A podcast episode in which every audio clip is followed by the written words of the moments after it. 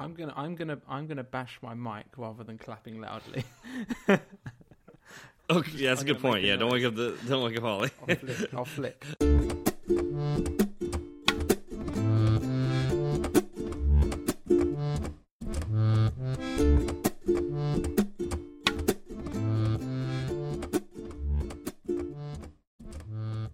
Hi, I'm Chris. I'm Ben. I'm Steve. I'm Connor, and this is Fireside Swift. Hey Ben, how are you? Tired? I, yeah, I mean, you can. We, we do this. Uh, we do this podcast on video, and they can all see how exhausted I look with my beard overgrown and, and my I thought eyes. you always looked like that. No, I usually look. in- I usually look incredible and impeccable. Um, You look incredible and impeccable now. It's oh, I appreciate that. Yeah, I'm usually in a three-piece suit. For those of you that don't know, um, but yeah, um, yeah. So Holly is now seven months and is hitting some kind of progression. So the last few nights we've been up kind of most of the night, um, and during the days we've been trying to catch some naps wherever possible, which which has been fun. Um, but that's a bit dull to hear about. But what what I will say is that I have started a new team within. So I work for the Guardian, and we were all one big app team until well until tom- uh, tomorrow. But we actually started it a little bit earlier. We've broken off into a bunch of feature teams, and I am now getting to start a new tab, which I'm very excited about because there's almost never like new tabs. We're kind of moving some old ones, adding a new one, and I'm I don't know what I can say about it. I can probably say anything about it, but I'm going to be careful just in case. But um, yeah, I, like it's me and one other iOS developer, and then just a team of and the rest of the team, so an Android developer and so on. Um, and it's actually been just so nice to finally be able to think about like a brand new thing. What does that look like in 2022? Writing for an iOS app because we get to do it in any architecture that we want, any technologies, effectively. So we're going like super clean uh, MVVM, SwiftUI, um, probably async await.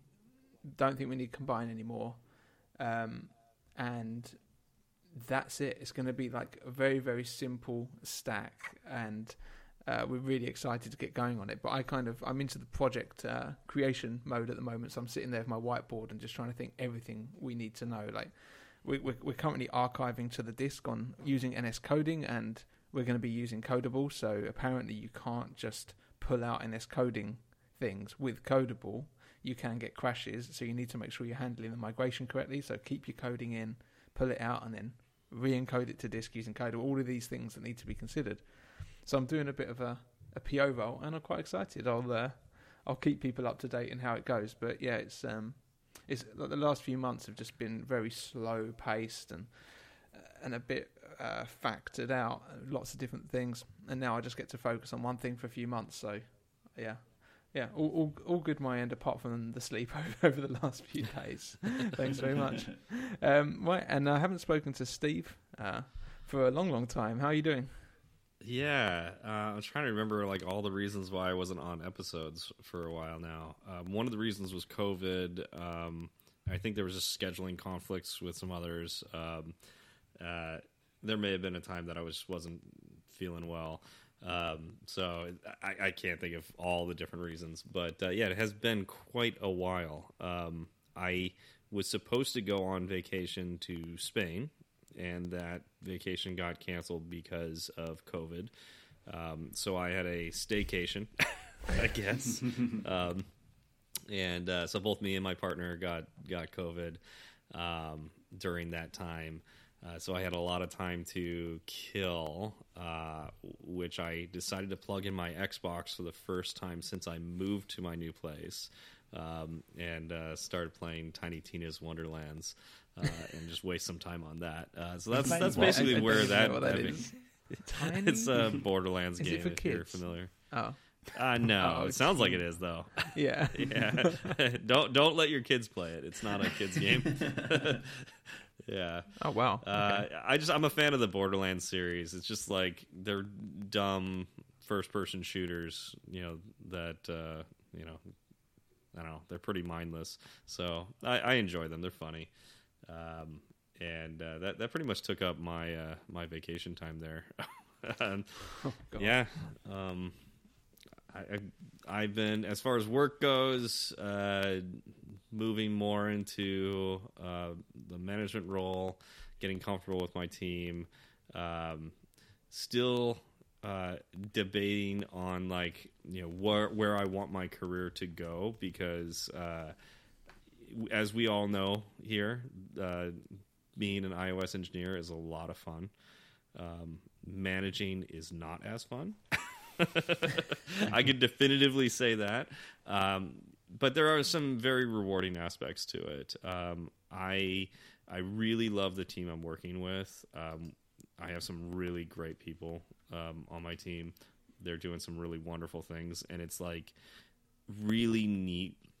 I think one one of the things is like one of the best feelings you have as an engineer is when you're beating your head against a bug, right? Like a really nasty bug, and you can't figure it out for a while, and then you know maybe you take a shower or you take a nap the next day and then you look at it again and you, you realize that one little thing you didn't do or you tried something you didn't try before and all of a sudden it works and everything starts to fall into place and you know that that the little clicking you know happens in your head and you're like yeah i figured it out and you ship that code. Like that's like the best feeling in the world. Um, a similar feeling as a manager is when you're uh, you're working on a long time with like a, a, group of new engineers and you you want them to work well together. You want them to solve their problems and their, their own problems and to um, help each other without you having to encourage it. And uh, one of the neatest things happened when i found out that not only was our intern learning state machine stuff so like a you know complex ver, you know part of our architecture is the state machines. Our intern who is between his freshman freshman and sophomore year of college um, he was learning state machine stuff from the the engineers that he was working with. But on top of that he worked with the android engineer who gave him his version of the state machine in kotlin that our intern didn't know he didn't know kotlin that language but was still able to read it and understand it because they helped each other. And I was just like mind blown about like the the cooperation and like all this, you know. And it's just like the kind of things that like you you try to foster, but you it's like you it's like a hope and a, a you know a prayer that it's going to happen. Mm you know because uh, you know as engineers you get like concentrating your own thing and you're it's it's hard to even review somebody else's code sometimes because you're so focused on trying to solve your bugs to solve you know to build your feature.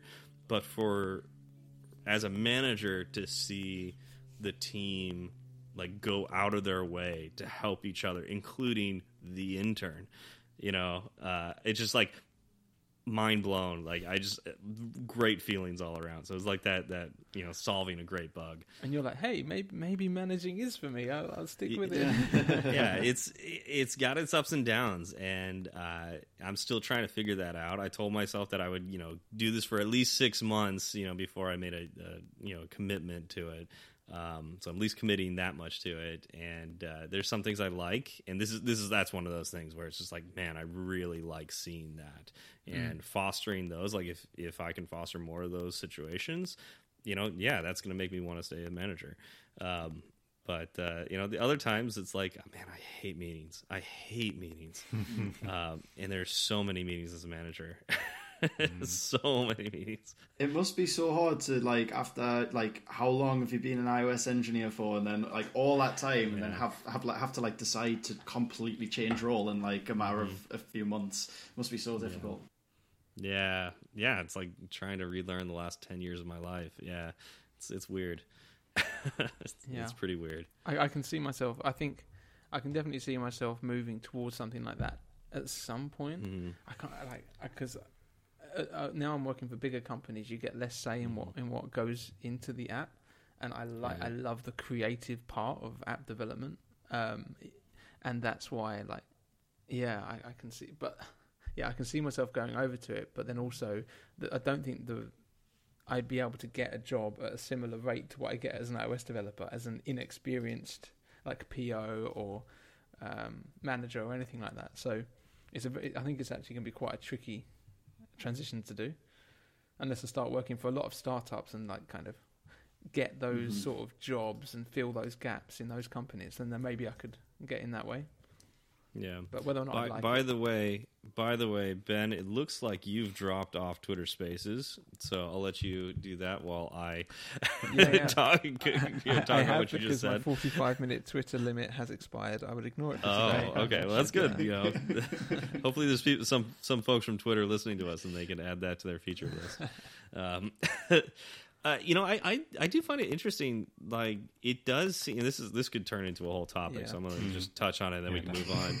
Uh, why why is it that we almost always like talk about the career path of an engineer that they go to management? Like, why is that almost always like the you know like what what yeah it's like you you start as an engineer and then like oh your your next step is to go to management why is that always the case It's quite because I'm the complete opposite of that at the moment, but that's because I've just come from a management. Well, I say just come nine months ago now, but you know I managed for seven, eight years or so, so I'm the furthest away from ever wanting to manage people ever again in my, in my life. Um, I get to work and I just get to work on what I want to work on, or- or not what I want to work on, but what what my piece of work is for that day. And I don't have Yeah. to talk to anybody else, but I don't have to in terms of managing them. So, um, I, yeah, right now I can't see um, that ever being my career path. But obviously, times change, and as time goes on, yeah, you do want new challenges, and, and I guess that is kind of like the career path a lot of iOS engineers do seem to take. yeah yeah all right well speaking of that uh connor how are you doing Yeah, um, I'm good, thanks. Um, yeah, I've, I've, I've, I've kind of, um, I've recently actually just um, moved roles, um, but yeah, so, so I'm still kind of getting to grips with that. Um, I've just moved to a company called uh, Luno, um, and it's like it's, it's it's like a cryptocurrency, so you can buy buy and um, sell cryptocurrencies and things.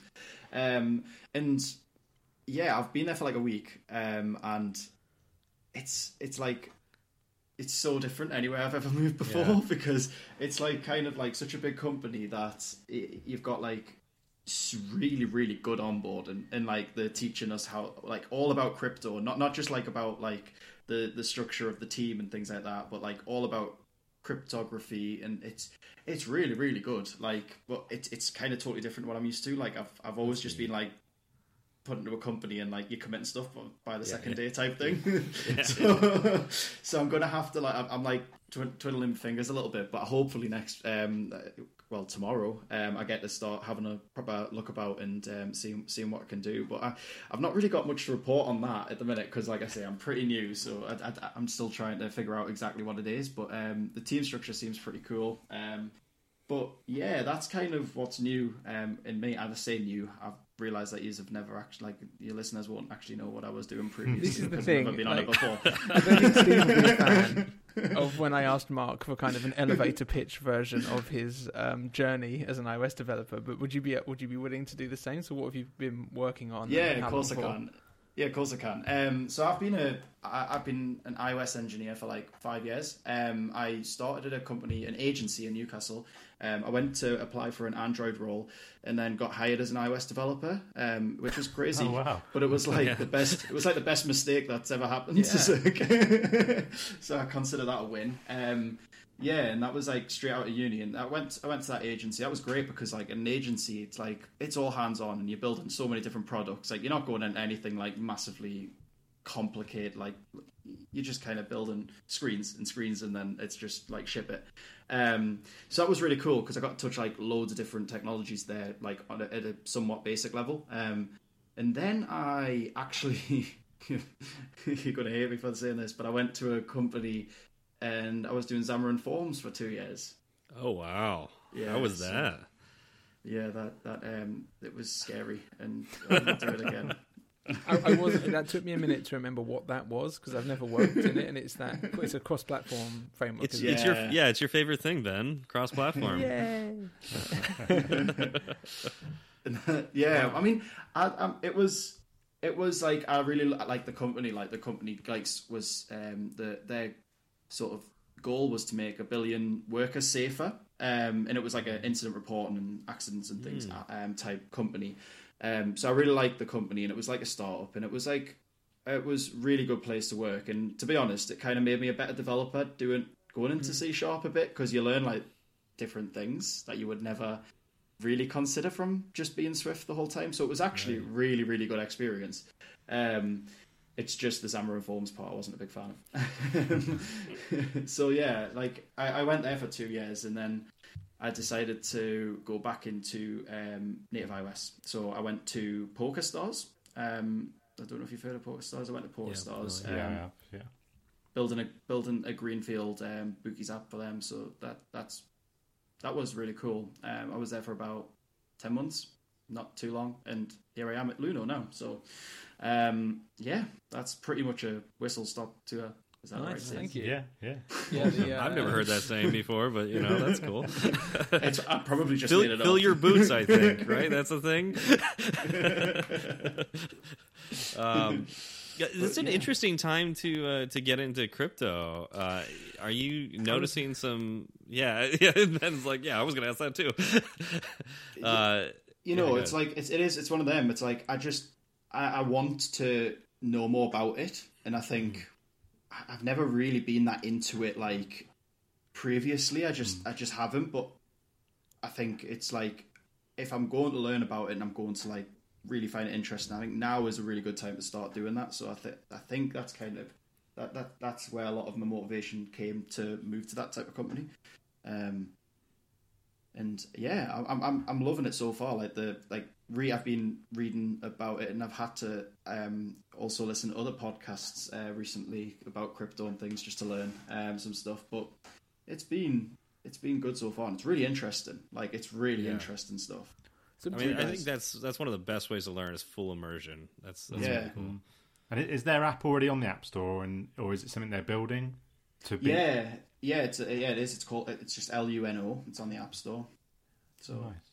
It's it's I mean, it's- interesting that they want that. Sorry, that they uh, that they're training you up so much in the in the subject matter. I don't think I've ever had that at a company before. exactly right. Like I'm like, it's I don't care. Just just tell me what to build and I'll build it. you know? exactly and that, that's why i think it's good i I think i think it's good because it kind of means like I, I think if you've got an interest, I think if your employees have all got an, uh, an interest in it, at least an understanding of what you're building, like the the product's got to benefit from that. Like it's got to, like the app as a whole has to benefit from it. I. I agree with you. I think because the company where I am now, they spent a long time kind of doing something similar. So it's a cycling focused product, and so there was a lot of kind of work as to on the onboarding as to you know what they did for the cycling community and and what kind of role they had to play in that and that, and then also kind of encouraging to watch their documentaries, watch their uh, their YouTube videos, etc. And I think that passion and that kind of uh, interest really kind of you can feel that within other members of the team as well. And I think it kind of gets you go, kind of. I don't really have an interest in cycling. Um, I've I've never ridden a bike like I'd say properly, other than kind of obviously with the my son and my Yeah. daughter on the back kind of thing. But um, but yeah, it's just fascinating to to kind of get kind of in, introduce that world a little bit and. That you kind of then get kind of engaged with it and think, oh, you know, I want to make a really cool product for these people. So I think it's really Yeah. worthwhile. Yeah, um, and yeah, and aside from that, there's a bunch of security stuff as well that you've got to, you've got to go through, type um, like fraud and things like that. So, um, but yeah, it's it's it's been good. It's been really really good um, so far. I'm I'm I'm enjoying it so far. Yeah, it's fascinating. I would love to do yeah. that, like to dive into that as a topic one of these days. So, Connor, we might have to have you back to, uh, to once you feel comfortable, like you you learn some of this stuff, Yeah. to come back and teach it to us. I would love to know more. well, I feel like I did um, like really early days of iOS development where people just talk about things and it's just going Yeah, straight over yeah. my head at the minute. But someday I'll get them. I'll get I'll get it. Sounds great. But yeah, that's that's me. Um, so how have you been, Chris?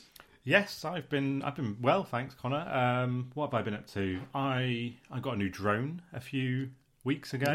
what one? Um, so so I've got the uh, DJI Mini Three Pro. Oh, very nice. So it's a it's a a sub 250 gram drone, so it just means that it's uh, a lot easier in terms of le- in terms of legislation and and where you can fly it, basically. So I sold my Mavic Pro, which was very sad about, but I kind of got a really kind of good price on eBay for it, and um, yeah, it just kind of encouraged me to get the new one. Um, I like I said earlier, I'm going to Canada uh, in a few weeks, so this um, will definitely be coming with me. Um, so yeah, can't wait to fly there. So yeah, that's been loads of fun, and obviously the weather's been beautiful here in the UK over the last few weeks. So had a lot of fun with that. What, what Um, part of Canada are you going to? Is it a scenic Oh, part? so I'm going to Calgary. I'm going to Banff, Canmore, and I'm also going to Vancouver and Vancouver Island. I'm hoping, touch wood, um, that I'm going to meet up with Stuart uh, at least for a, just an Oh, hour. wow. Stuart, uh, No, nice. yeah, yeah, just Yeah. Uh, at least for a coffee. Um, we've got a lot packed into the trip. We're going. We're meeting friends who live out there, uh, so we've got a lot packed in. But I'm really. I've been messaging him on Twitter and hopefully, hopefully get a, a coffee at least in with him Nice. um, whilst in in Vancouver. So fingers crossed, you'll see a photo from us in there. Um, so yeah, no, I'm really looking forward to the trip. Just a lot of anxiety about getting there. Really, first of all, if we will get there, based on your story earlier, Steve, about uh, Mallorca, but also two kids on a nine-hour flight does not, yeah, does not appeal. So we'll see how that goes. Um, what else have I been up to? One thing I thought I'd mention actually was I thought I'd plug a video that I appeared on. Um, so I don't know if anybody's heard of the YouTuber uh, Mayuko. Um, she's kind of a tech YouTuber. Used to do iOS development, but I think she's kind of uh, branched into kind of um, general tech kind of stuff. But she um, she put a tweet out a few weeks back about any kind of developers, programmers that had kind of done a career switch later later on in life. And I don't know, 35. I'm not. I wouldn't say later on in life in terms of 35, but in this industry, it can feel like it is later on in life. So I kind of put myself. I kind of replied to her tweet and just say, you know, I, this is what I did. I switched from non-tech to iOS, and and this is what I've done. And she she kind of said, yeah, let's go for it. And so yeah, recorded a video with her um, a few weeks ago, which is now on her on a YouTube page, which is amazing. Yeah, it was really really cool. Um, yeah, she was really nice about the whole process, and yeah, it was a cool interview. So yeah, if anybody's kind of, I guess, worrying about that in terms of am I too old to do this, then then go give the video a watch. There's me and another developer as well on the on the video. So yeah, that was really great fun. Um, work wise, we had a an in person week um, two weeks ago. So every quarter we have an in person week. Um, so we go to Bath and um, yeah, just get together. And I think I've said this before, but we the the focus really isn't is just on you know getting to talk to each other and going for coffee, going for drinks, going for socials, and having some work meetings about certain things, but kind of you know really just getting to talk to people really. Um, so that was a great, yeah, really great couple of days um, to get to see the team. Got my new, they they gave me my new uh, M1 MacBook, which we've been waiting for for a while, which is amazing. like already in the in the first week, it's it's it just builds the, my project our project so much quicker than my uh, Intel laptop did, and it's so quiet. Well, it's silent. It's just amazing. Um, so yeah, really um, really happy about that. So yeah, and work wise, um, I just thought I'd mention we um, we've been working on a new feature as well. So um, that's been loads of fun to kind of work on that. And it's funny, my wife and I had a bit of a laugh last week. I got to Friday and I've been working on this feature, and I kind of said, "Oh, look at the fruits of my labor, labor over the last three days." And um, she sat next to me because we kind of office, well, we we share this this room when we work from home, and she's doing kind of what I would deem serious work, where she's uh, she's I think talking to managers about people who are um, having to kind of leave a company, for example, and I'm there designing a button for three days. Yeah. and I don't think she, Did you look at it and go, that's it? yeah, exactly. It doesn't the, the thing, it doesn't do much at the moment, but it was it was it was a hard three days work. So yeah, Uh, but yeah, that's that's me. a anyways. cou- couple things. Uh, we'll put the link for your video in the show notes, so you know look there if you're Oh, yeah, interested in watching yeah. that video. Uh, second thing is Owen says in the the live chat to uh, check out Jasper National Park. It's just north of Banff in in Canada. Oh, awesome! Yeah, Um, and third thing is I I think what Friday I ordered my M2 Mac because I can't. I mean, my company's not sending me an M1 Mac for probably another several months. So, so I ordered one of the uh, MacBook Airs. Uh, Honestly, I was about to go into a rant if you'd bought the Pro.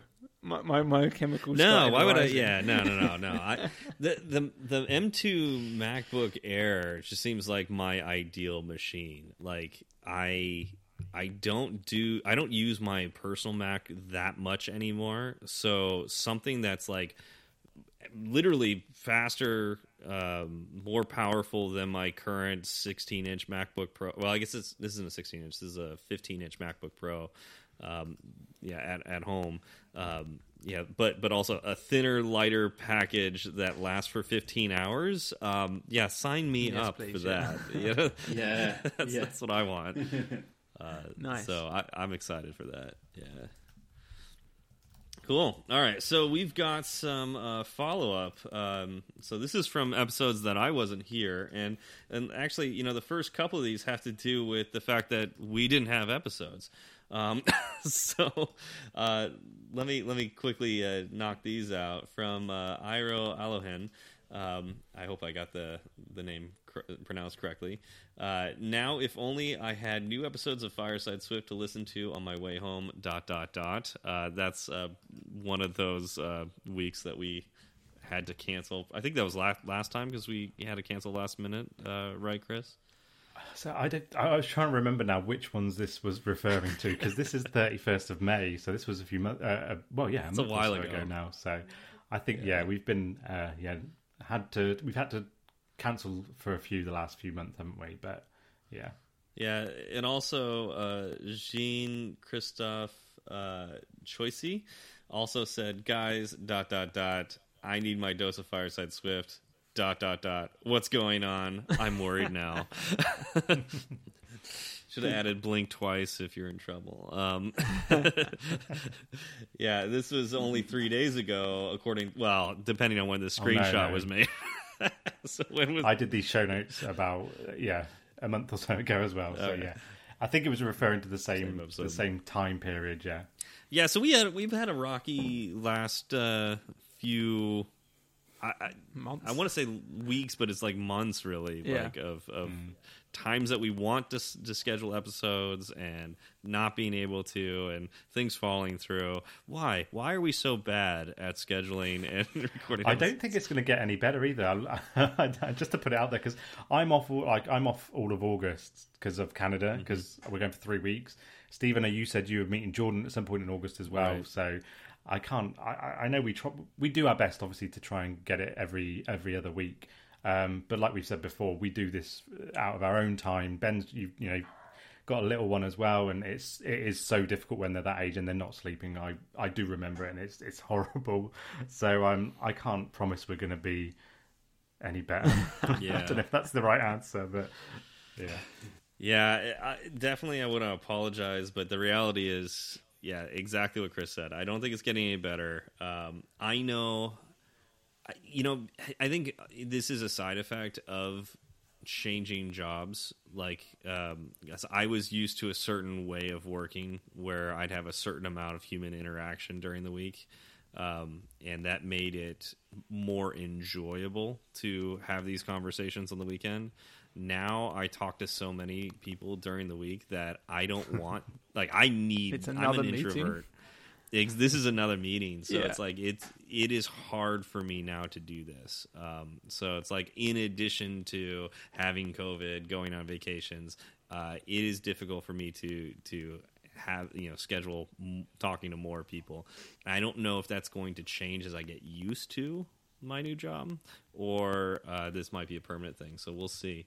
Um, you know, it's also like uh, you know Zach had to uh, had to take off after a bit, um, and I think you know it's possible that I might be coming to the end of my tenure here as well. So we'll Ooh. see. We we will see. yeah, cliffhanger. Um, but uh, Oh, you can't you can't drop that on the episode I've joined you for. I'm not And saying it's why- happening now. I'm just saying get ready. the show's in good hands uh, if if I need to take off a bit.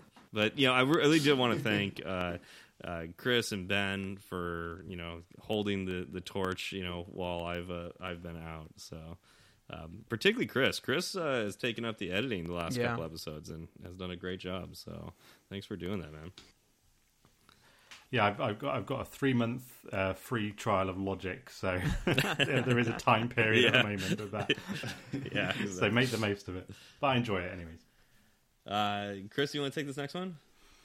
Yep, sure. This is from Dave Price, and this was on our Slack. So, he's just said here, I'm just going to say it. Swift podcasts that are all technical all the time are boring and you have to put forth an effort to focus or you get lost. Listening to them is like going to class.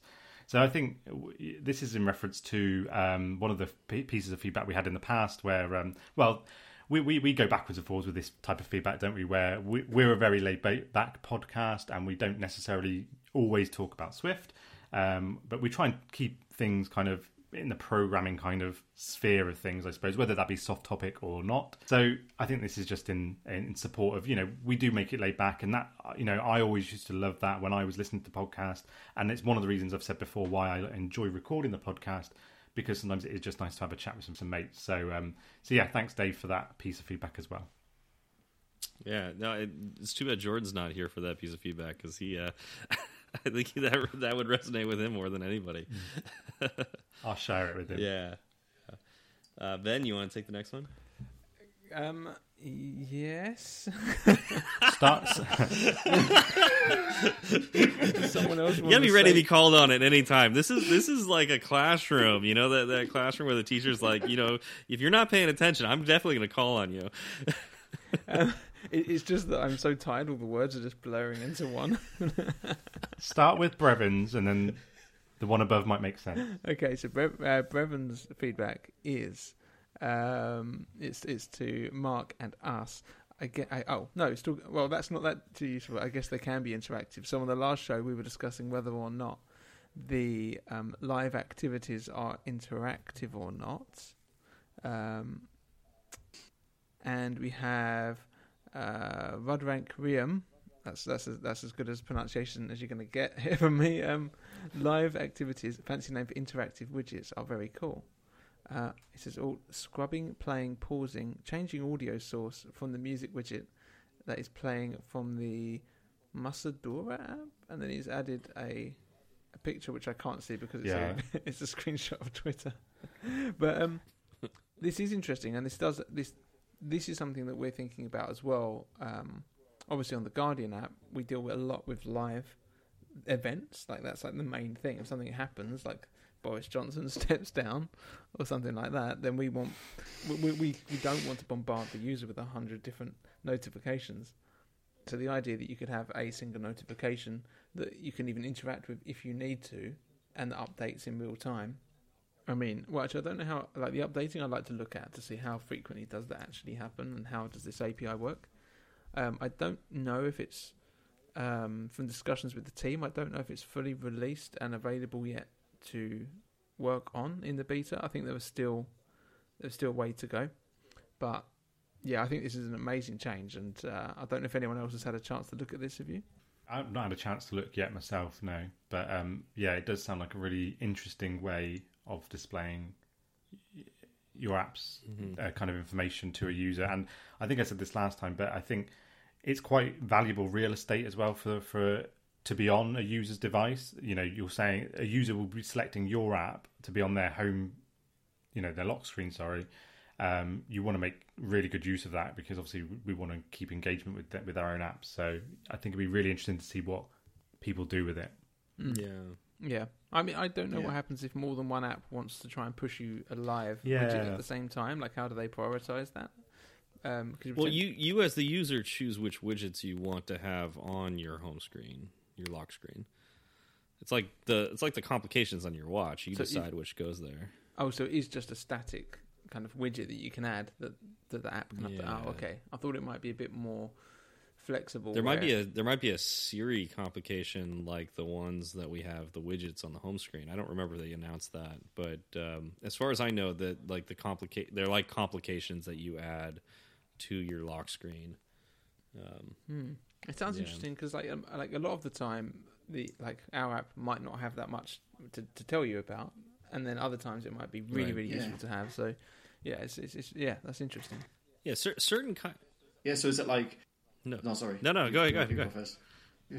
yeah, so is it like they're constantly like? Is it something like? I, am just thinking like um, I was just watching the F1 today. So if we had like a live data stream of like the races, but that's only useful once a week, mm-hmm. right? So is it? Do I need to leave it there, or do I have to keep removing it? I, I don't really know yeah. how they work.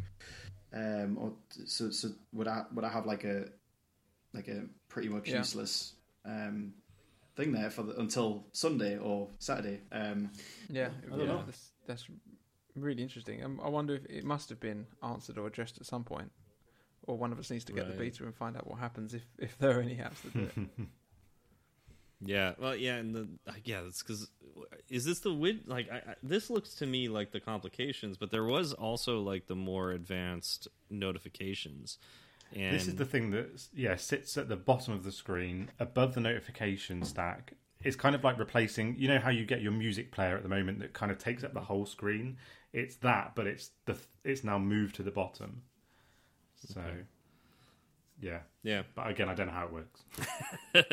we're very knowledgeable here about these things. Uh, so, uh, you know, I think this is one of those things that like, once the operating system comes out, we start playing with it a bit more. I mean, th there's the beta available for some of these things, but like, you know, we're not developing the apps with these, so it uh, makes it a little harder until you know the operating system is out. Um, the apps that will take advantage of this start updating themselves, and we start to really see the power of this or if we want to start messing with our own apps and doing you know these kind of things uh, then we'll know a little bit more. But uh, you know it's it's it's neat to see advancements in this. It's neat to see the the complications in the lock screen and the the better notifications and i'm really curious what comes out of this. Hopefully it'll make all of our lives better. Um, moving on connor would you like to uh, to talk about this next one that uh, you know, looks like Joe Cabrera sent us. I don't know who this person is. Yeah. Um, we can tell whoever titled the episode is not a true Star Wars fan. Wookiee is supposed to have two E's. and yes, you all know it looks dumb, but there you go. so I, I, I have a feeling the person who named it had something to do, like really more like like Lord of the Rings, better, right? Um, I just it Well, seemed obvious. what's yeah, what's interesting is I probably uh, deem me to be the Star true truest Star Wars fan probably out of all four of us. And to be fair to, I think it was like two in the morning after I'd finished. Edit- I think it was the first episode I'd ed- edited, and yeah, I've got no excuse. Sorry, Joe, but I I did go back and. I did go back and tweak it. yeah, you fixed uh, that like real quick too. I did it. I think I did it whilst I was picking my daughter up from nursery. so that's how keen I was to get it sorted. Yeah. Yeah. See, it's not it's not about you know how often you make mistakes. It's how you react when you find out about those mistakes. So you know, that shows the kind of person that Chris is. Yeah. Uh, all right, so I don't know much about these next few, but I will read them out loud and ask for comments because it has to do with having Mark on uh, for the WWDC episode. Um, first is from Stuart Lynch. Uh, Mark didn't need to introduce himself. Ben, I recognized Mark's voice after one sentence. Really great to have him on your show. I heard that Ben made him, you know, discuss, you know, say his entire life story. So it sounds like It was he so didn't need- awkward. Wait, didn't did- need to introduce himself at um, all. I'm going to put Connor on the spot here. Did, did you hear last the last episode? Did you think? Did Yeah, I you feel did. like that was quite a useful roundup of uh, of, of Mark's career? Yeah, it is useful. Like I can imagine it being very useful for me as well. I did, I'll be honest, I didn't know who Mark was, so it was very helpful for me. I'm, I'm, pl- I'm pleased. Score one for Ben. Yeah. So it sounds sounds like you're you're about even now because you have minus one points from Stuart Lynch and plus Yeah. one points from Connor. No points. uh, we also heard from from another person, Joe Cabra- Cabrera. Um, hey, Fireside Swift. I'll bet this is the first time you had a Swift core team member on. Congrats, Mark. Uh, at Digim Market Tech is his handle. Um, and there's a retweet about how Mark is on the Swift Core team mem- team Swift Core team. Um, so that's really fantastic. Congratulations, Mark, for being a part of that. I didn't realize that was going to be the case when he came on. So No. did you guys know that? I think he was sworn to secrecy until Hmm. after he'd finished record, but not not because he was recording the show. Wait, so just he didn't announce it on our show? I thought that was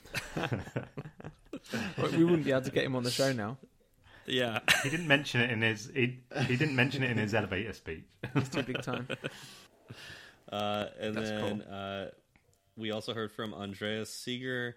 Um, that's a must listen to. The things Mark has has to say are invaluable, thoughtful, and inspiring. But oh, what what is this in response to? I think it was just in response to um, the uh, Ev- the the tweet about the show. Oh, just gotcha. have- okay, yeah. okay. So, Mark, yeah, you uh, your thoughts were invaluable, thoughtful, and inspiring. So He, he good. was he was an incredible guest. I, I could I could listen to him all day. It was it was amazing.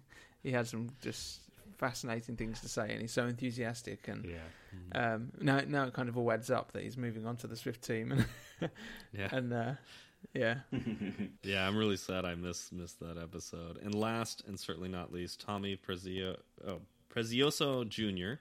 Uh, what a great episode! Just finished it on my walk. So just even more compliments for for Mark. Uh, thank you for coming on. Thank you for uh, you know being a part of Fireside for for one episode. yeah. Um, anything more to say, uh, Chris, Ben, No. Connor? If uh, Loved it. It Did, was did you enjoy the ep? No, you didn't enjoy the episode, Connor. yes, I always enjoy the episodes. I think that that, the might right be the right answer. Yeah. uh, cool. All right. Uh, so Connor.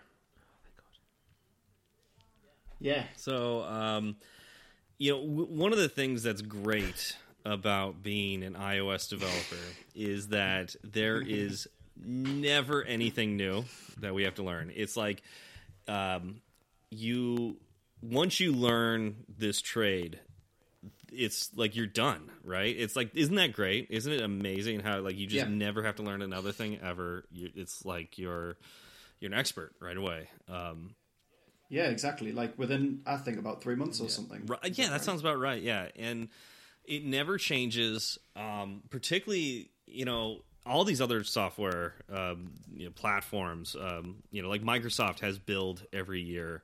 Android has uh, DroidCon, and um, oh wait, that's not the big one. What's the one that they do for Google? Google I/O. You know, and then those poor developers have to like learn new things about their language and their platform and all that isn't it wonderful how Apple is so that has ne- like they've got it right on the first try. Yeah. Yeah. Yeah, straight away with Objective C. Yep. With Objective C. Yeah. no evolution ever. Um, yeah, it's it's great. Um, so with that in mind, um, you know, it, it is it is also pretty amazing that we just get paid to uh, do the same things over and over and over again. Um, what um, what do you want to do outside of, of programming? Because you never have to learn another thing again.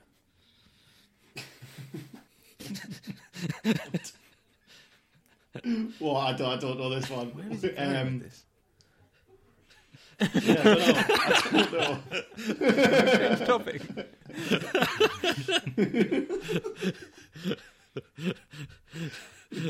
So obviously, I'm joking. Uh, and Swift changes constantly. In fact, uh, thanks for being a good sport, Connor.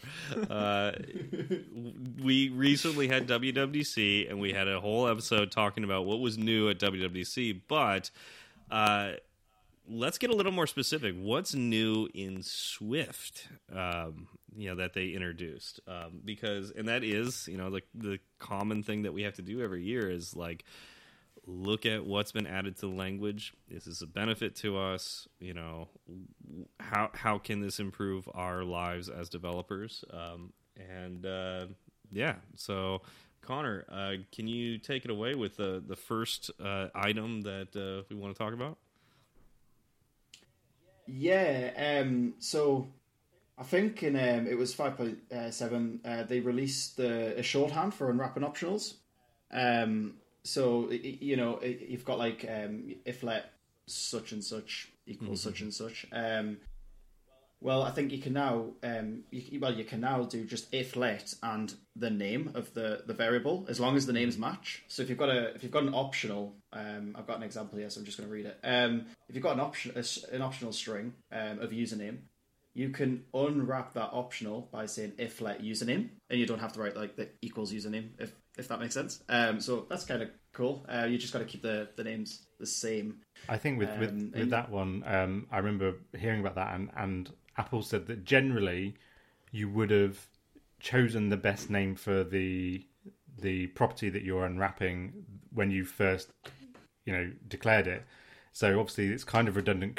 Gen- like I said, generally most of the time it's always like we've talked about here. It's it's in your example here, uh, Connor. If let username equals username, the amount of times you see the same word being used, it just I mean it, it's such a small thing, but it, it makes perfect sense. I, I was really kind of pleased to see that. Yeah, and it was always like the debate of should I use a different name for the unwrapped optional, and like people have got like different like preferences on that. So it kind of just gives us the answer. Use the same name. I remember when I when I first started learning Swift, I used to always do unwrapped username, so I always knew it was the yeah. unwrapped version of it. but obviously, I've, I've, I've moved away from that now, knowing uh, well different. Yeah, um, since I've learned a bit more, I suppose. But yeah. Yeah, in um, a, a, lot of closures I've seen use you know like capture self weakly, so it's like weak self, and then like inside the closure, it's off. Like I've seen this often. I've done it on occasion, where it's like an if let self equals strong self. Yeah. Or yeah, sorry, if let strong yeah. self equals self. Yeah. sorry, the other way around. Yeah. And so then I've used strong self, you know, in the in the rest of the closure. Usually a guard. Uh, do we know? Does this work with guard? Is this uh, also a guard let? Uh, okay. Yeah, I believe it does. Yeah, I did hear that it it, it did as well. The the, the, the second um, the caveat that we have here is actually really interesting. Is that it doesn't let you do properties within an object. So we've the, sorry, someone ch- jumping in. Oh, no. I'm, I'm, I'm, hearing someone go.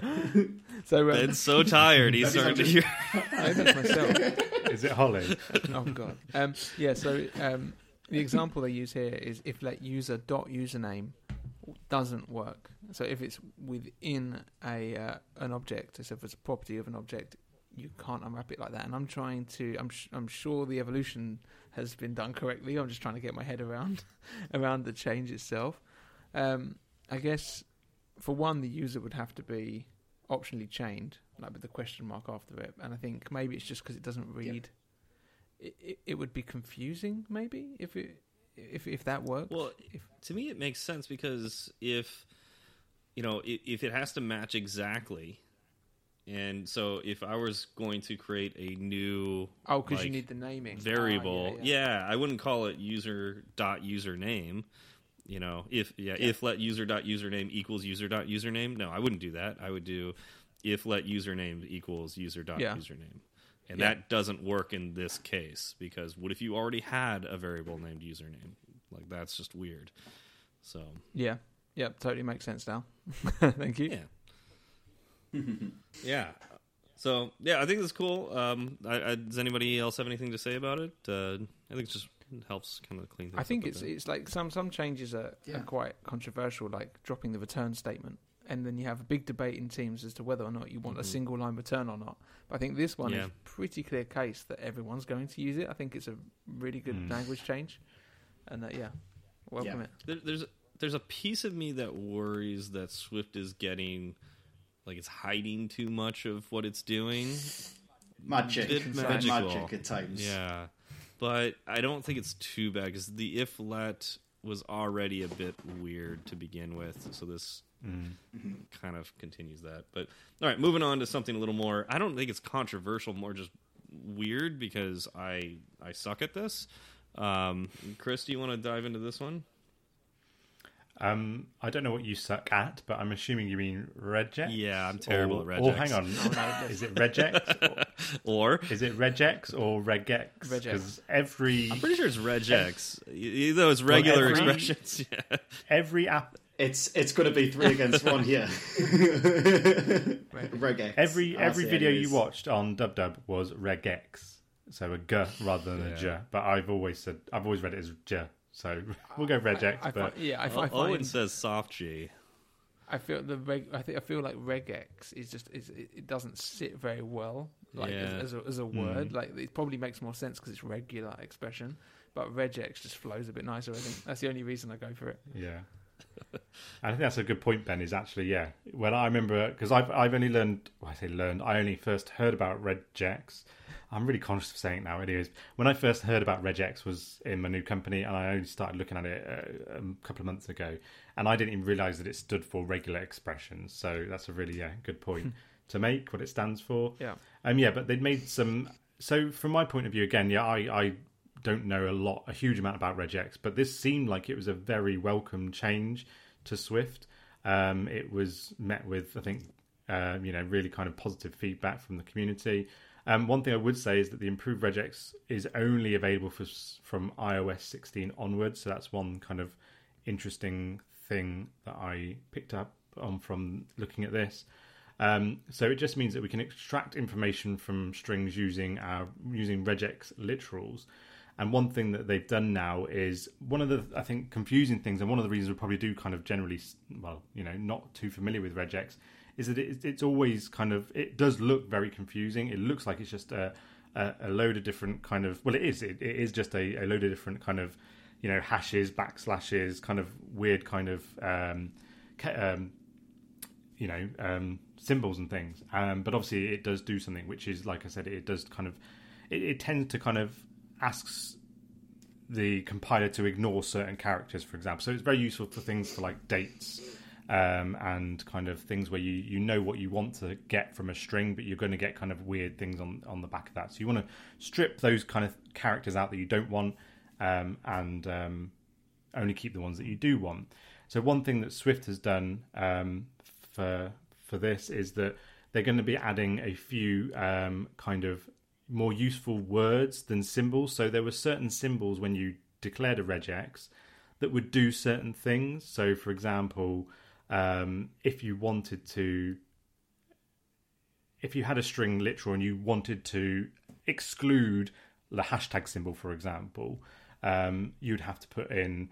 I, don't know what the, the actual character is, but you'd have to put in a, ter- particular character to ignore that character, or you would say, I don't want any of these characters to be kept in this string. Um, however, like I said, Swift has added some words to be able to kind of make it a bit more readable for us as developers. So, for example, um, we could say now none of, and then put in a a quote and and specify the exact characters that we don't want to see any of when we're stripping out our kind of literals. Um, so that just makes, like I said, things a bit more readable. And you can put any characters in there. So say you don't want any kind of at symbols, you could say none of open brackets, open um, speech marks and put in an at symbol, and that would say I don't want any uh, at symbols in this in this uh, string. Um, and again, there are a few more kind of readable um, kind of terms that we can use. Um, so I've got a couple listed here, which is one or more. So if we want to say one or more times of a particular uh, character in a string, then we can do that. Um, capture, if we want to capture a substring to be used later, then we can just use the word capture in the string um, for um, when we're using regex. Um, optionally is another kind of um, word that we can use. So um, what that means is we can use it zero or one times. Um, so that could be quite useful. And then repetition behavior, which takes a parameter.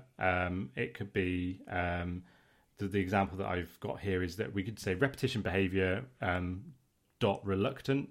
So what that would mean is is that would be used as few as possible in this section.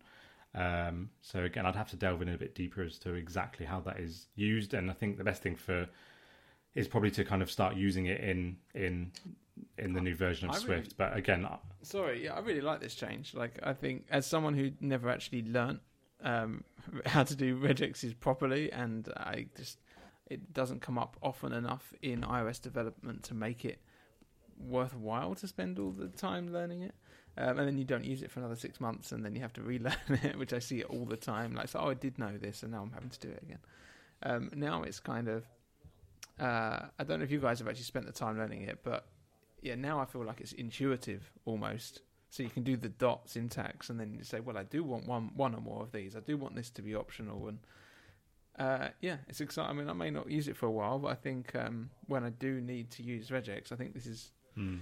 thank yeah, thank you to the Swift team for bringing this up. Um, although Steve, you seemed a bit hesitant about it when it first when we first mentioned it, but was that just that you hadn't looked into it? I I've had to use regex on many occasions uh, in app development. Um, I, the the mo like I'd say like the most common use case was um, well, there's two of them I can think of: emails and valid phone numbers, um, and they've mm-hmm. got pretty well defined regex. Um, uh, would that be a script or a Oh, I don't even line. A, a string, a regex string? Um, I don't know what it's called when you have a, a line of regex. Um, but they, they're pretty well defined, so you can just like find that online and and just throw that in your app.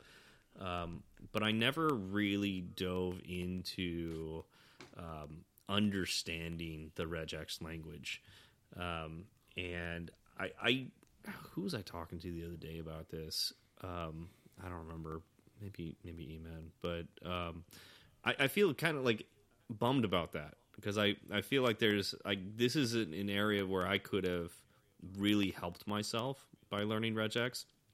For instance, in Xcode, uh, you can search using regex instead of you know just straight string searches.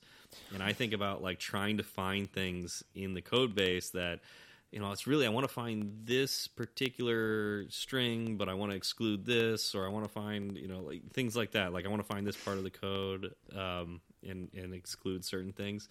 Um, and I just don't know how to write the regex for that. And it's really more of my inexperience with the language. Um, I would I love the idea of the builders. I don't think you can reverse it though. I don't think you can use a re- the regex builder and then have it condensed to a regex string. Do we know if you can do that? Don't know, but that would be. That's really what I cool. wanted. I'm sure- I was like, I want, I want to use Swift to build out a reg- regular expression, but then output the reg- regular expression that I can use literally everywhere else but Swift. Um, like, for instance, Xcode searches, and it's the other way around. It's like, no, you take a regular expression that you know that works, and then turn it into Swift, and it's like that's Yeah. less useful than I would have preferred. I would. It's fine. Like, it's definitely useful. It makes it a little more readable, but Or, I will. or do you, or, or, or does this, or does the the um the builders help you actually create them in the first place? Is what like it- rather than taking a regex string and then turn it into Swift code. The example they the example I they used in the the dub dub video was that they had a regular expression string and then they used Xcode to turn it into like its component forms in, in the builder. Um, which is neat because then you could it's it's like easier to understand if you don't really understand regex how Yes, to yeah. modify those pieces of regex. Um, but again, like I don't think there's a way to convert it back you know, to just the regex string, um, which again would be super useful because I can't take this the regex builder code and move that to my PHP script, you know, or you know wherever else I'm using, you know, my Perl that I'm writing over here, um, or even just finding something in in Xcode. Um, I, I think that would have been. I I don't know. Again, maybe I'm missing that, uh, and if anybody knows about that, maybe you can take uh, regex builders and convert it to regex. That'd be cool. I wonder if anyone's created a uh, a converter yet, because I don't think it comes with a converter, does it? Where you can just punch in a, a, a regular expression and then it kick out the Swift code to do it. Oh, it does. That that's what they demonstrated at DubDub. Oh, is it? Yeah, I remember seeing that. yeah. Oh, okay. That was that was in State of the Union, I think, or um, It's like here's yeah. a problem you've already solved. Here's it in Swift. Yeah. here's it in Swift. yeah, Yeah. here's how you can modify it. And I was like, that's cool um, and useful because, like, I, let's say something was wrong with my regular expression. You know, I thought it was correct, but we got this bug. And this is common, right? Like, I something's failing. Somebody's filed filed a bug report, um, and I. I, I look into the bug and I find out that the regular expression is what's causing the issue. Well, now I can convert it to you know this builder and look into it in parts that make more sense because I'm used to reading Swift, and then I can modify it there and fix the bug. But now it's in this regex builder instead of regex. Cool. So, yeah, it's cool. It's useful, but I, again, I, if it could go both ways, Yeah. which I'm not sure it can. And, and I mean, I think it all like behind the scenes, it must. I, I presume it just makes a literal for you. I don't know. We haven't still haven't figured out what they're called, but a regex li- literal. yeah, Um, yeah. you would think that they could just have it a version of it that returns that kicks out that thing. Yeah. I, I imagine it's probably on the on the way. Yeah, that'd be cool, and I think that would be more useful. But and and maybe it can. We'll see. If anybody finds out between now Yeah. and you know the, the the next episode, please let us know. Yeah, Mark, if you're listening, we'll, we'll have that. We'll have that feature. Yeah. All right. So I'm having an existential crisis right now um, with Fireside Swift in general. So would anybody like to talk about existential crisis within Swift itself? I can give it my best go. Go for it, Connor. I'm probably going to need somewhat like some help, yeah. But um, but yeah, it looks like they have um, they've introduced a keyword keyword any for existential types. Um, and I guess the way that they kind of describe this is um is is like it's like a box type. So it's like if you've got like a protocol, um, and then your structs um, they, they implement this protocol. Um, it, the idea of so an existential type is like just what they've described it as is a box type, and you, you they don't know it uses it uses something called um, dynamic dispatch um, as opposed to static dispatch, and that what that means is you don't know what the type is until runtime. So they've got to go and do a lookup at runtime. So it like it kind of makes it a bit slower um, using these existential types. But I kind I guess I think a lot of people because it wasn't very. Um, I think there was a lot of developers who weren't actually. I mean, I was one. I know for a fact I was one. Um, wasn't aware I was using these existential types, and I didn't know the, I didn't know they were even a, like like slower uh, than like statically dispatched stuff like generics. Um, and I think that, that that's kind of the motive of adding this keyword any. And I think what they've now say you've got to do is add like if you're going to use an existential type. So like if I have a function and I want to pass it like a pro like a car type, right? It could be any car. It's just a protocol. If I need if I, if I want to do that, I've now got to put the keyword any in front of that to say like I'm aware I'm using an existential type here, um, and that's what I'm kind of like. That's what I intend to do, um, and I think that's good because it, it. I think it brings a bit more awareness, and it just. Um, it- I mean, yeah, it also. Yeah, it's like I didn't know I was using these existential types, and I didn't know the disadvantages. But now that they've added that, it's like, oh, maybe I should go and look this up. Like, what what's going on? Um, like yeah okay fair enough the the the the, the maybe's not as the, the maybe's not as fast as um as like statically dispatched stuff um so i think it's good um yeah and essentially what they've what they've turned around and said is I, I don't know if you've come across the some keyword as well but that was introduced a, a while back. Um i think they introduced that for like swift ui type things. Um and they've actually brought that to um function signatures now. So we can put some so so instead of like that example i could have like a function that said func gov room passing a car and i could say like any car if i wanted to use an existential type but i could also just do like you know the whole generic syntax where you're passing like the the, the square brackets um, before the name you, you give it a generic and you say you, you say like where this generic is car Okay. Okay. does that make sense? Mm-hmm. Um, Yeah. Like they've they've now introduced a some keyword, so you can actually just use instead of doing all of that, like lang, like all of that. It's just a bit of syntactic sugar to put some. Um, so you could say like func, gov room car some car, and that's just the same as doing that uh, generic Yeah, the, um, so The, the example cool. of that in the demo was was amazing in terms of the Yeah, oh, how much so cleaner it was. It, Yeah. was, it was yeah, Yeah, really happy with that change. Although I still can't quite get my head around the existential type thing. I um, I, I really do struggle with it. Well, yeah, I think I think it's like the so if you pass um so if you, yeah it, it is hard to get like I, I really struggle with it like to be fair. But um if, I think the, the compiler knows so if you're using a generic the compiler knows what type that you're passing the function because you've basically got to tell it what type it is. Like you you literally type in the function it's like right I know this is going to be a Tesla at the t- at, compile time. But with an existential type, it doesn't know until runtime because it's not assigned until runtime, Oh, I understand. Oh, that, and yeah, that's that- slower at that point. Um, so to do that lookup at runtime is actually slower. So they've basically like just kind of said like just try and use like effectively generics whenever you can. Like prefer this over existential types. I'm going to have to start using generics. I think that's what I- that's a that's really what good way of explaining it. Like nothing has clicked as well as that. Um, and uh, yeah, and I of course ne- I never use generics. I always just use gen- protocols. So um, Exactly right. Like I think that I think this has like added that sort of clarity to say actually I probably should go and look up and why are they telling me to use some instead Yeah. of any and things like that. So Yeah. I, I thought it was good. I thought it was really good. Isn't Cool. there something to do with associated types with this as well? Um, because I remember like this wasn't a problem if you use protocols with just functions, but as soon as you add associated types to your protocol, that's when you run into this issue, right? Am I thinking that correctly? Yeah, there was something to do with it. So you can now, like it was, you can now just say if you do have a protocol with um, an associate type. Yeah, I'm sure you can just say like you can still put it in the function now. You can say any car. If if car had an associate type, like you can still just use any car. Whereas I think previously you couldn't do that.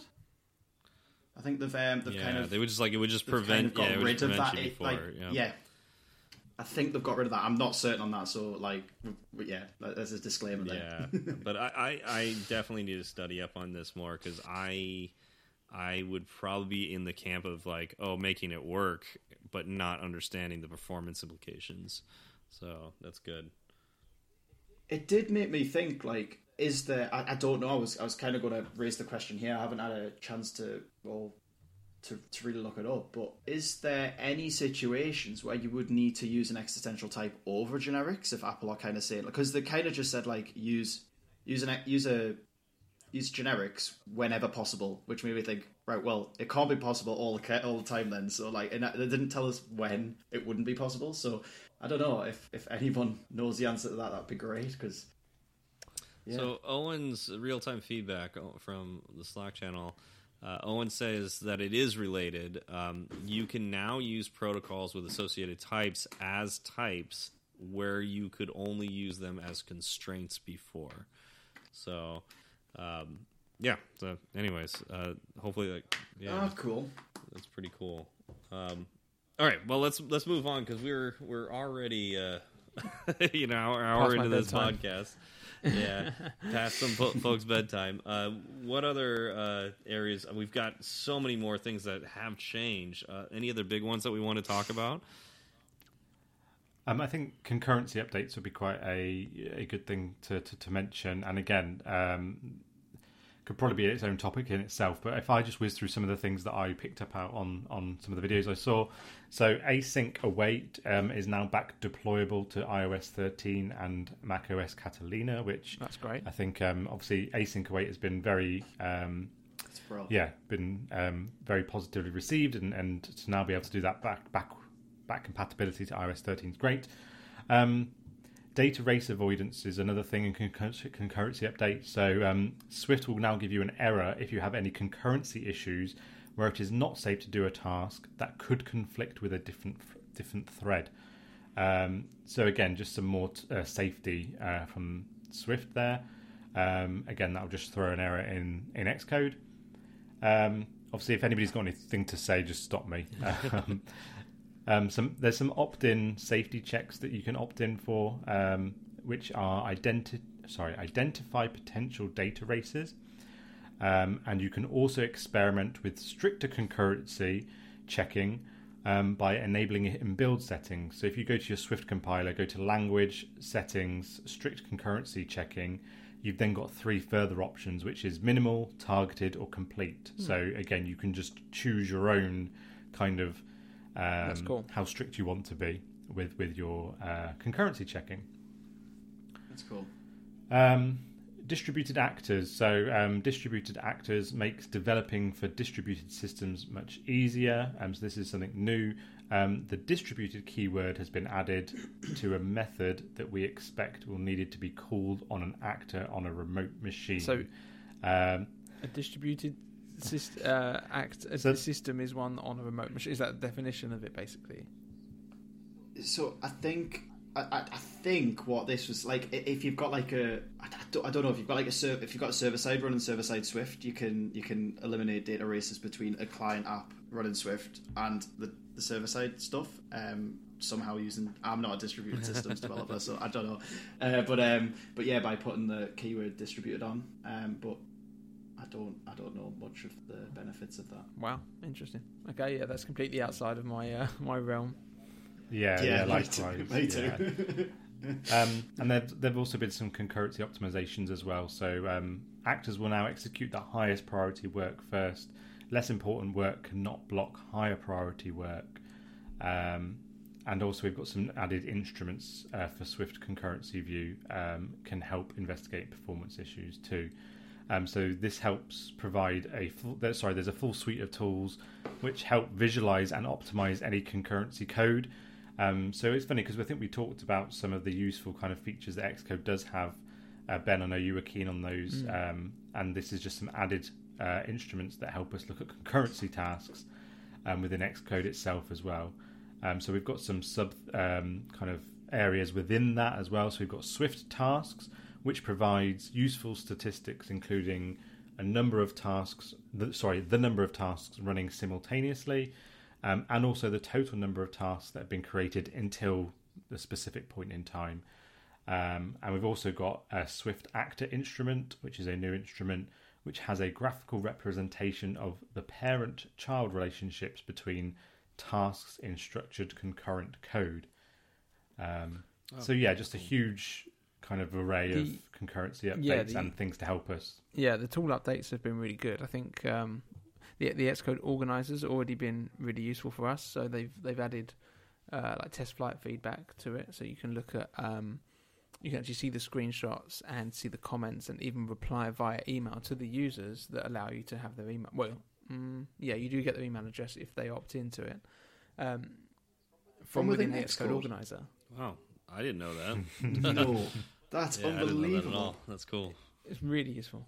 So does that mean that it's does that mean in companies it's now actually the developer's job to reply to people's Well, I think what it people's does when I tried it, it, it, it pulled up, uh, it opened like the native Mail app and tried to send it via there. So of course, I think what we'd probably end up doing is just taking that comment, taking that email, and chucking it uh, uh, to whoever deals with that sort, sort of thing. But yeah, I mean, in theory, we could yeah, say give them some more information. Um, and, and then there's the hang, uh, the hang rate as well. Uh, I think that I think that's improved. There's there's a there's a really good hang rate session if you find that you've got a laggy scroll view uh, from this dub dub. So I recommend checking that out because we I don't know if you saw my tweet earlier in the week, but we Mhm. ma- we we our like a poor hang rate, which is like you're scrolling. Well, yeah, it kind of goes means how much you're uh, scrolling hitches as you're looking through. Like with, with our like the front screen of the Guardian app, it was at 10 milliseconds, which was poor, and it's jumped to like 20 milliseconds near enough. Like it's just spiked right up because of um, a small. Uh, I know what it was is because we added logging. Um, and we added like five logs every time we, we run a carousel or something, and there's loads of carousels. So it was all logging, it was all being done on the main thread. And all we did was put it on the background thread. And for the first time ever, like all of a sudden, we've got buttery scroll scrolling as long as you remove like the dy- dynamic ads that always cause a bit of problems. It's like since I joined, and for years people have been trying to fix this and just Yeah. been annoyed by it. But users never complain, so it never gets done. But developers hate it, um, and all of a Yeah, sudden it's like a brand new app. Like, um, and Mhm. I'm going to delve into this concurrency instrument because I, I just want to see what else I can, what other refinements I can make. You know, that's yeah, they, they've done a good job That's on awesome. Xcode, I think. Very cool. Although we do need to wrap up soon, I think, before I uh, fall flat on my keyboard. All right. So, any any final statements? Uh, Connor, we'll start with you. No, I'm, I'm no. I think I've, uh, I've we've- we've covered all of the things I think I put on the notes, so I'm I'm pretty happy. Ben, do you have any final Thank statements? Um, no, yeah, well, sorry, I wasn't as alert as, you, as usual, and uh, hopefully I'll be more awake next time. Wish me luck. Sounds. Chris, anything final?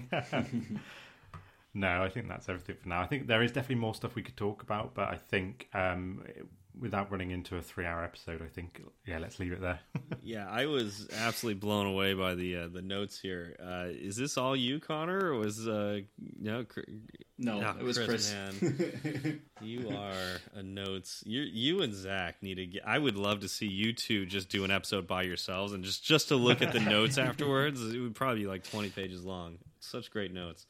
Uh, no, I don't have anything more to add. So why don't we uh, conclude this episode? We don't have any shout outs this week. Um, we will remember to put Chris's video in the show notes. Um, Connor, how do we reach you? We always forget to ask this at the end of episodes. How does how do folks get to know you? Do you know what? That's a really, really good question. Um, I don't actually know what my Twitter handle is, but I'm. I'm All right, just... we'll put that. Send it to us. We'll put it in the show notes. Uh, so you want you want people to contact you through through Twitter. Uh. Yeah, I, yeah. Cool. All right, we'll do that. Um, yeah, and uh, thanks for coming by, and uh, we'll see you next time. Cheerio. Thanks for listening. Yeah, thanks for having us, everyone. It's such a good feeling to be back with you, cause second season was long overdue. Let me introduce you to the new Fireside crew. Chris and Ben are the English blokes who correct your grammar and tell witty jokes. Jordan is the baritone. Steve's the one you already know. Zach left to spend time with the shorties. So raise a glass or tip your 40s, giving props for the last three years for helping out so many peers. Now let's get down to business. Let the four of us beg your forgiveness for excruciating segue puns and mistakes that might confuse someone. Twitter's great if you've heard us slip, or if you want to share a pro tip, we're at fireside underscore swift at fireside underscore swift. You can message the entire ensemble, or just one of us if you're more humble. We'll leave our handles in the show notes for you, and get back to you real soon. If your message is a little too long, there's firesideswift at gmail.com and firesideswift.com. Firesideswift.com. If you like the show, leave a review. If it's five stars, we'll mention you on the very next show we do in a fortnight or two.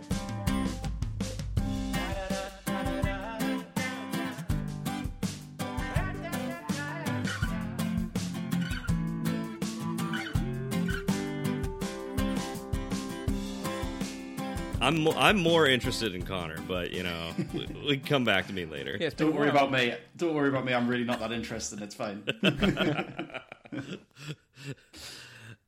So, um, what? I was going to say, um, I think did did well. Did you listen to la- la- the last show No, I have on not. the spot? So what I, I, did have not. I've not. I've not listened to anything, and that's yeah. That's that's a wider conversation. because huh? you would have had a you would have moaned that we didn't do a segue in the show, I probably um, would have. and also I um I I did a uh as part of the introduction at the start. I said introduce like I I asked the the guest God I can't remember who it was to to introduce themselves. Oh yeah, Mark uh, to introduce themselves to the audience and to and to us. So I think we probably do it. We don't usually do that, and I think it was quite useful to actually tell people who's on the show. Um, So basically, in two episodes, we've ruined the whole format. yeah, That's what it sounds like. yeah. The Yeah, editing mine- was great, though. I heard. Yeah, I heard. I heard that. I did hear that through the uh, through the vineyard, um, grapevine. So Connor, what do you what do you like to do uh, for hobbies? Um, yeah, that's a good question. Um, a few. Like, I, I, I like to play golf, but I'm not very good, so I like to try and play golf. Um, and yeah, Nice, just try nice. try and get back into that while, while the sun's been the sun's been out. Um, I mainly just go for walks and things with my dog and my wife, and um, and, and and go camping and stuff like that. So pretty pretty um basic stuff like that. But- So you are. Let's go back to the first hobby though, golf, because you are you live in an area around where, where golf was invented. So is is there some benefit to that? Is there golf culture in your area? Well, if there is, I haven't been told that benefit yet, um, and it hasn't come through to me. So, um, but you, you weren't like born with an innate ability No. to hit tiny balls with messed up clubs. no, no, yeah, tiny balls with bent bent clubs. no, I wasn't. Are there, there's got to be some beautiful courses out there, though, right? Uh, yeah, there is. There's some there's some really nice courses. Um, yeah, I, yeah, I just tend to stay local though. I'm not like I say, I'm not, I'm not that good at it, so I don't really tend to go and uh, go and spend a lot of money on going to all these courses. So, but yeah, I just enjoy going to play and try, well, trying to play. Do you Trying go like super? Because the people I know go end up going like uh, like half six, seven in the morning, which I, I just can't be doing with early starts. No. Head shaking. No, But yeah, when when's your time to go? Afternoon. Yeah, well, pretty much exclusively the weekend. Um, yeah, I mean, summer you can I can sometimes get away on a night time, but I mean, I'm, I mean, I'm usually like, I'm usually like working until a reason reasonable time and things. So I don't usually get the time during the week to go, but um, but on the weekend, like maybe it's- maybe it's a game on a Saturday or Sunday. Nice. Nice. No, Nice. no kids yet. Then No, no, not yet. I love, love that you play golf, so you can't have kids. Yeah, you, obviously. Yeah. Well, I've heard that golf. I've, I've heard golf is the perfect excuse once you've got kids to. Uh, I'm just going to go down to the course for a few hours and then. Um, I can see that. yeah, Yeah, it's a it's a minimum of four hours. Exactly, apparently, I've There you go. There you go. So, uh, Ben, here you know, new hobby maybe. I've tried. I, I have tried golf. Well, I, well I, I've spent time at a, a driving range, and I think I missed the ball fifty percent of the time. It's so difficult. Like, I'm kind of good at picking up skills, uh, like due to persistence. Like I'm not naturally good at many things, but I just I'm very good at just spending hundreds of hours on things. So. Golf, like I found that after the end of a couple of hours of at a driving range, I was still missing the ball as much as I was at the start. It's so so difficult, and I can see why people like it so much because it's just so hard, and it's it's a real challenge. So um, yeah, it is. yeah, it's something I could probably get get into. I think I like the outdoors and that, and I like a good sport. It is, yeah. It's really nice when it's sunny and things, and it's it is just like a really long walk, isn't it? And you occasional occasionally mm. trying to hit a ball into a little hole, and it's Yeah. but yeah, it's it's it's pretty good. It's pretty good. I enjoy it. I enjoy mini Do golf. Do you- yeah, I love mini golf too. Do you have Top Golf in UK? We've got we've got one in London, don't? what what is a top? I've never heard of top golf. Okay, Is it so is it like Top- that? Yeah, is it like that? Like whole like simulated experience on the driving range?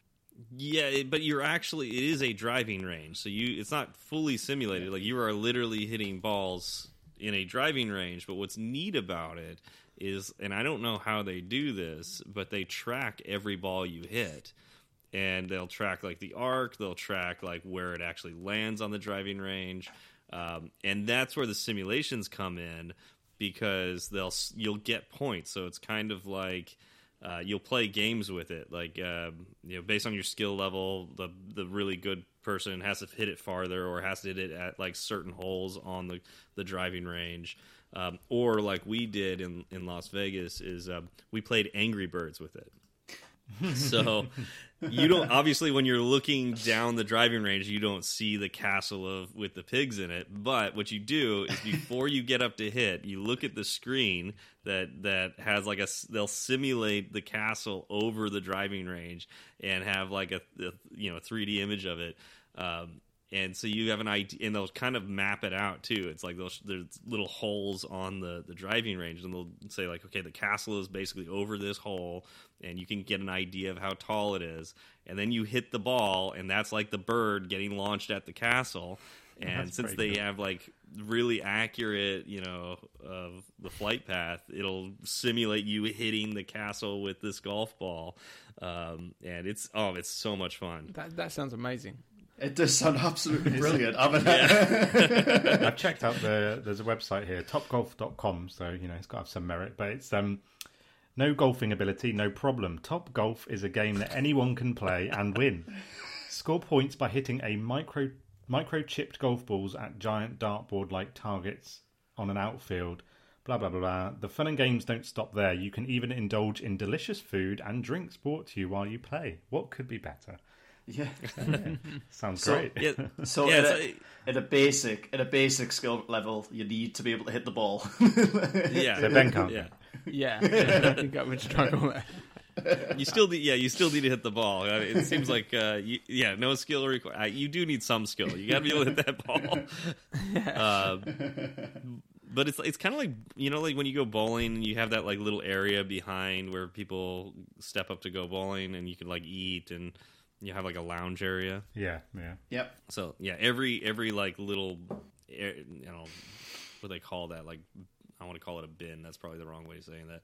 But like the the place where you go to get up to hit, every little area there has a little couch, lounge, table area, so you can order drinks and food um, and chill, and it's it's just a lot of fun. That sounds really good.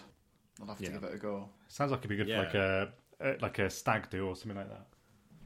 Yeah, we did. Um, we did electronic clay pigeon shooting at the last stag do I went Oh. to, which I've never actually done the the real one, which I wish, which I really would like to do. But um, yeah, it, it, was it was certainly an interesting experience. It was su- it was quite a few of us, and it was super high paced. You basically stand in front of a um, a, a huge screen, and you have guns that are that they feel like real guns, but obviously they just click, and Mhm. and it will just say you know Ben versus Colin or something, and then um, uh, and then you quickly go and grab your gun, and, and away you go, and you'll get and and you just you just try and win against the person that's next to you at that at that moment, and then it tot tots up your wins. And I was kind of constantly paired with the with the best person that was there. Just- oh, and I, I kind of I really thought I'd be really good, but I, I did not do anywhere near as well as I'd hoped. And but it it was good fun. But I kind of I do wish that we were doing real clay pigeon shooting as instead. Mm. But then I guess they don't have the cocktails being delivered to the. Yeah. Wh- what wh- why playing. would you? What do you think would be enhanced by the real guns? You prefer headaches? what, is, that, is, is that common? Have you ever fired a shotgun? No, I don't think. Have I ever even shot a gun? No, I don't. I don't think so. So okay, so uh, this is funny because like now, like with all the gun violence in the U.S. that have been like amping up, it's just like this is kind of a question that I've I've like been curious about. Um, why? What would actually be improved by adding a gun, like a real gun, to this this hobby? Oh, I- Because I it sounds like you have the most ideal version of pigeon shooting. I think it's because you, you're kind of relying on uh, the technology being as good as being in person and having real physics to work with. Um, Yeah. And when, when you hit, you just think, "Have I really hit it, or was it just Mhm. the system allowing it?" and things like that. I think there's there's definitely a case for it being, and and and there is. A, I mean, in the UK, as people that know, we don't have any gun troubles. we don't have any guns. Like I don't know anyone with them. yeah, So going out, they are just a recreational thing with no stigma attached. Really, in the US, it's like it's the Yeah, yeah, opposite. yeah. and, yeah, you have to kind of make the case against them, but they are fun if they're in a place where they're not used for shooting people. No, we I was just talking about this with my girlfriend because like I I grew up with firearms. Like my my uncle taught me how to shoot at a young age and taught me firearm safety. Um, and uh, like there was a whole thing that we went through when I was a kid. Um, and she asked me, it's like, okay, so um, for your kids growing up, would you teach them firearm safety? You know, at an early age. Um, and I wasn't sure that would be a good idea because I was like, when would they be around guns? Like, what at what point would it be a good idea? Like, I mean, sure, firearm safety is a valuable skill, but to actually go out and fire guns, like, why would they need this skill? Um, and uh, so I thought it was an interesting thing. And then it made we we went tangent with this conversation. It went into like, what is the fascination with guns? Like, why is it thought to be more fun to fire a real gun than to go to like to an arcade and fire? And I think, I think you're hitting on it that like there's physics involved and like the the actual oh, like you want the the gun to you know the recoil you want the ache later you want the headache you want to to know that you did something to the world but I, I- I'll, I'll say this it is not a desirable experience you know it really is not enjoyable at all. Um, except for you know the fact that you are affecting the world in a violent way. It's it's a really interesting point um, about because the thought of teaching a child firearm safety is a thought that I've never thought about, and Yeah. but uh, I guess that's linked because of a, the country that I live in does not mm-hmm. allow that, and therefore why would I ever even consider teaching my children that? But it's just I guess crazy to think that that is a, a something that does probably get raised in America. because it has to, and I guess that's the. Well, we're getting a bit deep now, aren't we? Yeah, we're getting a bit deep. Yeah, I know. yeah, yeah, we could go deeper on that, but but yeah, because it is it is a problem. But but uh, yeah, it sounds like Ben, you had the the best version of clay pigeon shooting. Oh, yeah, and I, I've done I've done um that that probably be like what I find to be the most enjoyable form of sport shooting, which is uh, clay pigeons. You know, uh, yeah, th- but yeah, it's, it's painful. Like you'll, especially if you you use a 12 gauge shotgun, you will feel that the next day in your arm. It arm. looks like it hurts. I'll be honest. Yeah, yeah. Especially if you're not trained on it. Like, um, if you have the gun, like if you don't really set it against your shoulder, um, and you have it a little bit of ways. Holly's joining the conversation. Um, yeah, yeah, it'll come back and hit you really hard. You'll get a nasty bruise. Yeah. Good. Nice. I just realised that you would have heard the crying, and there was nothing I can do to stop it. No, we didn't. I don't know what you're talking about, Ben. You didn't jinx I could, anything. hear you, I could hear you talking, and I was thinking, well, they can't hear it because I've muted it, but I'd actually only muted the space and not the iPad. So, oh wait, no. So, and you're listening to it probably through my headphones, which means it would have been very loud. it was Sorry. it was pretty loud. She she was good though. She uh, she she went back to sleep quite quickly, which is I just chucked the uh, muslin on her face, and she just and it gets The 'cause- muzzle? Wait, you Muzzle. muzzle your child? yeah, basically. like Wait a minute. it's like a lightweight fabric uh, like a breathable fabric sheet that you use, and um, because it's so light in there at the moment, we we basically just cover her head, and it's like it's dark, and she goes to sleep. so that's that's child safety one hundred and one. oh, Ben. Um, yeah, so we should we should start the show before um, I get Yeah. gazumped by Holly. Sounds like a plan.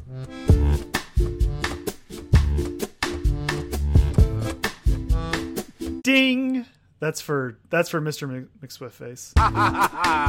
Hey, boy.